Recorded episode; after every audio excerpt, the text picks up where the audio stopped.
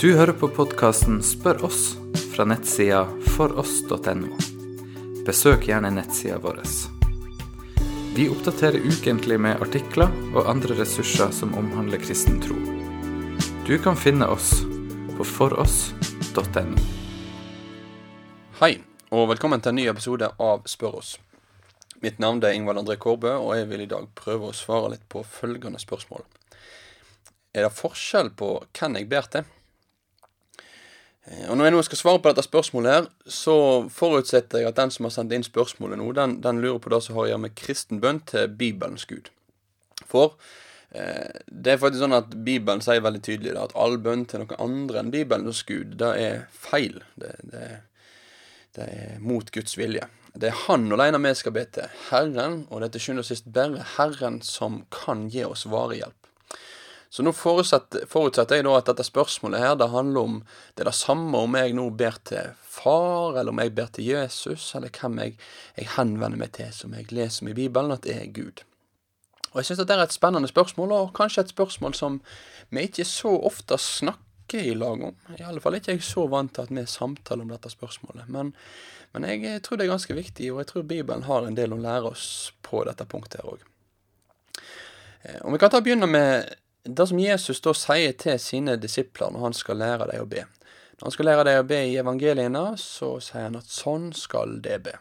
Fader vår, du som er i himmelen. Betyr dette her at vi da gjør en grov feil hvis vi ber til Jesus i stedet for å henvende oss til Far? Gjør vi imot Guds vilje, da? Jeg, jeg kan ikke se at vi kan si ut ifra Bibelen at bønn til Jesus er feil. Og Nå skal jeg prøve å gi et par grunner til det. For det første eh, så er det sånn at bønn det er å snakke til Gud om det som vi bærer på av glede, av sorge og av smerte. Eh, og ut ifra Bibelen så er det veldig tydelig at Jesus han gir krav på å være Gud, og, og eh, hele Bibelens forfattere ser ut til å forstå Han som Gud. Og Når Jesus er Gud, og bønn er å komme fram for Gud med ting som en bærer på, ja, da kan ikke jeg se hvordan bønn til Han heller er gale for oss i dag. Og I tillegg så finner vi et par enkelttekster i Nytestamentet òg som viser oss hvordan apostlene kunne òg be til Jesus. Eh, faktisk er det sånn at den aller siste bønna i Bibelen, i Åpenbaringen kapittel 22, det er en bønn som henvender seg direkte til Jesus. Da har Jesus talt til um, Johannes og sagt at han kommer snart, og da er Johannes sin respons Amen. Kom, Herre Jesus. Han henvender seg til Jesus og sier, Jesus, kom. Vi venter på din gjenkomst. Så når vi leser i Bibelen, så mener jeg at vi kan ikke si at det, det er feil å be til Jesus. Eh, vi finner eksempel på det i Bibelen at ja, apostler og kristne før oss, de har òg bedt til Jesus.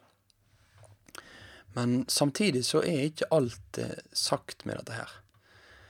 Eh, når, når, jeg er en kristen, så er det òg sånn at jeg vil la Bibelen være det styrende for kristenlivet mitt. Og da er det å studere bønnen i Bibelen, det kan være eh, interessant med tanke på avdekke hvordan er det Gud vil at jeg skal be. Og ja, så er det sånn at vi finner enkeltbønner til Jesus, men likevel er det et gjennomgående mønster som vi finner i Bibelen. Og det er et bønn framfor alt i Bibelen, det er å komme framfor Gud som sin far, på bakgrunn av det Jesus har gjort. Og så gjør da en kristen dette her i Den hellige ande.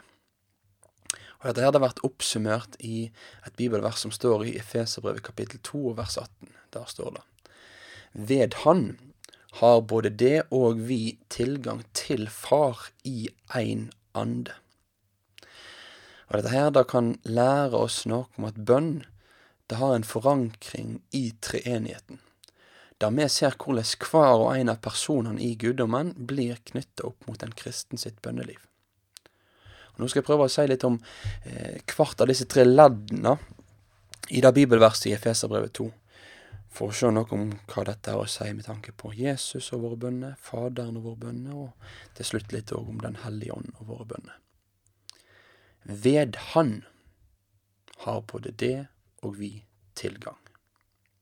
Så begynte verset. Ved Han. Og den personen det er snakk om her, det er Jesus. Han som er forsoneren. For Bibelen er veldig tydelig på det, at det er ene og alene på bakgrunn av det som Jesus har gjort, på bakgrunn av hans soningsverk, at et menneske kan få komme fram for Gud i tillit. Og dette her det gjelder både på, på dommens dag, når ethvert menneske skal møte sin Gud, men det gjelder òg faktisk når vi er her på jord, i vårt hverdagsliv. Det handler med andre ord òg om vårt bønneliv. For vårt bønneliv er å komme fram for Gud, og, og ingen menneske kan ifølge Bibelen komme fram for Gud med frimodighet, eller tenke at en har tilgang til Gud på bakgrunn av det en er, eller på bakgrunn av det en har gjort. Da bibelverset det sto ikke at vi har tilgang i oss sjøl, men det er ved Han vi har tilgang. Og Sånn er det òg med tanke på bønnelivet, da, at det er aldri en dag der et, et menneske kan tenke at ja, i dag så har jeg vært så flink at i dag så kan jeg på bakgrunn av det jeg har gjort, komme fram for Gud og be. Eller for så vidt at en tenker som så at ja, nå har jeg jammen meg gjort så masse for Jesus at nå må han sannelig kunne gjøre noe for meg òg. Nei, tilgangen til Gud, det er ikke noe som vi sjøl kan ordne. Vi kan ikke komme fram for Gud i tillit til det vi har gjort. Da kommer dette her til å gå forferdelig gale.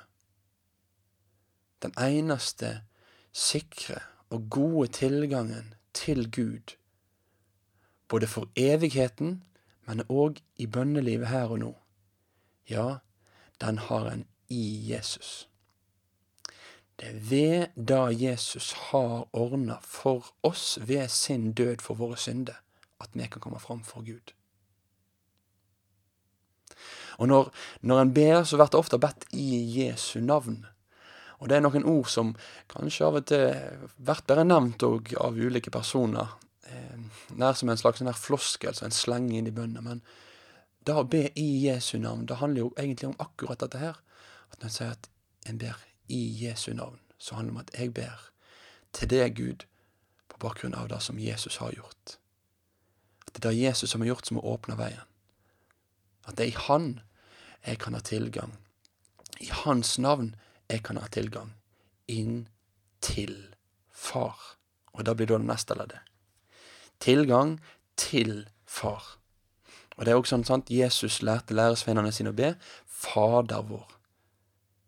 Og dette med at bønnens retning primært er ei bønn til Far.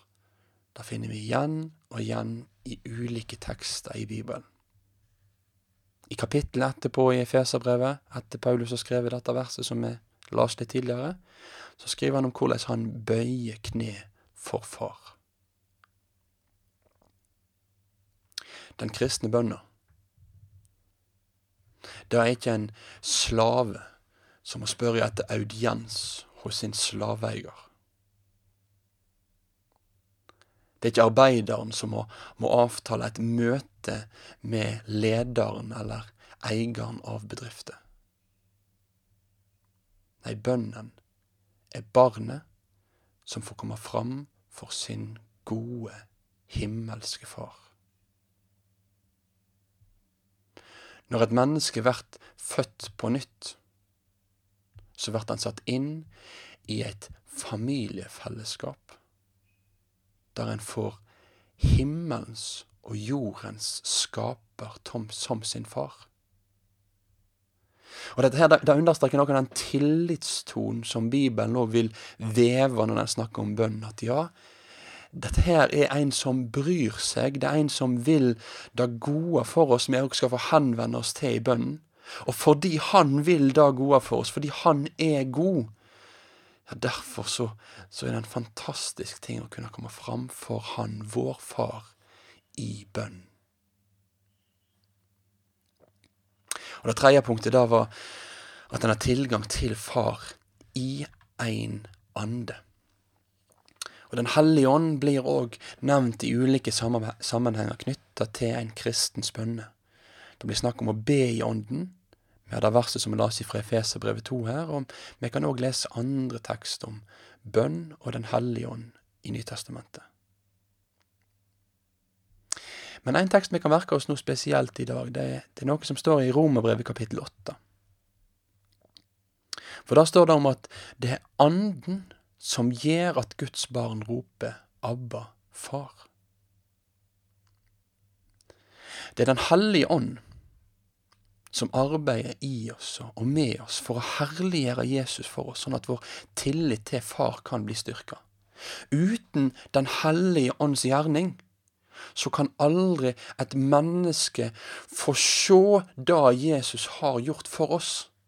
Det er han som herliger Jesus for oss. Det er han som, som styrker et menneske og holder et menneske fast i trua på Jesus og den tilliten til at på bakgrunn av det Jesus har gjort, så kan jeg få komme fram for Gud, min skaper, som min far.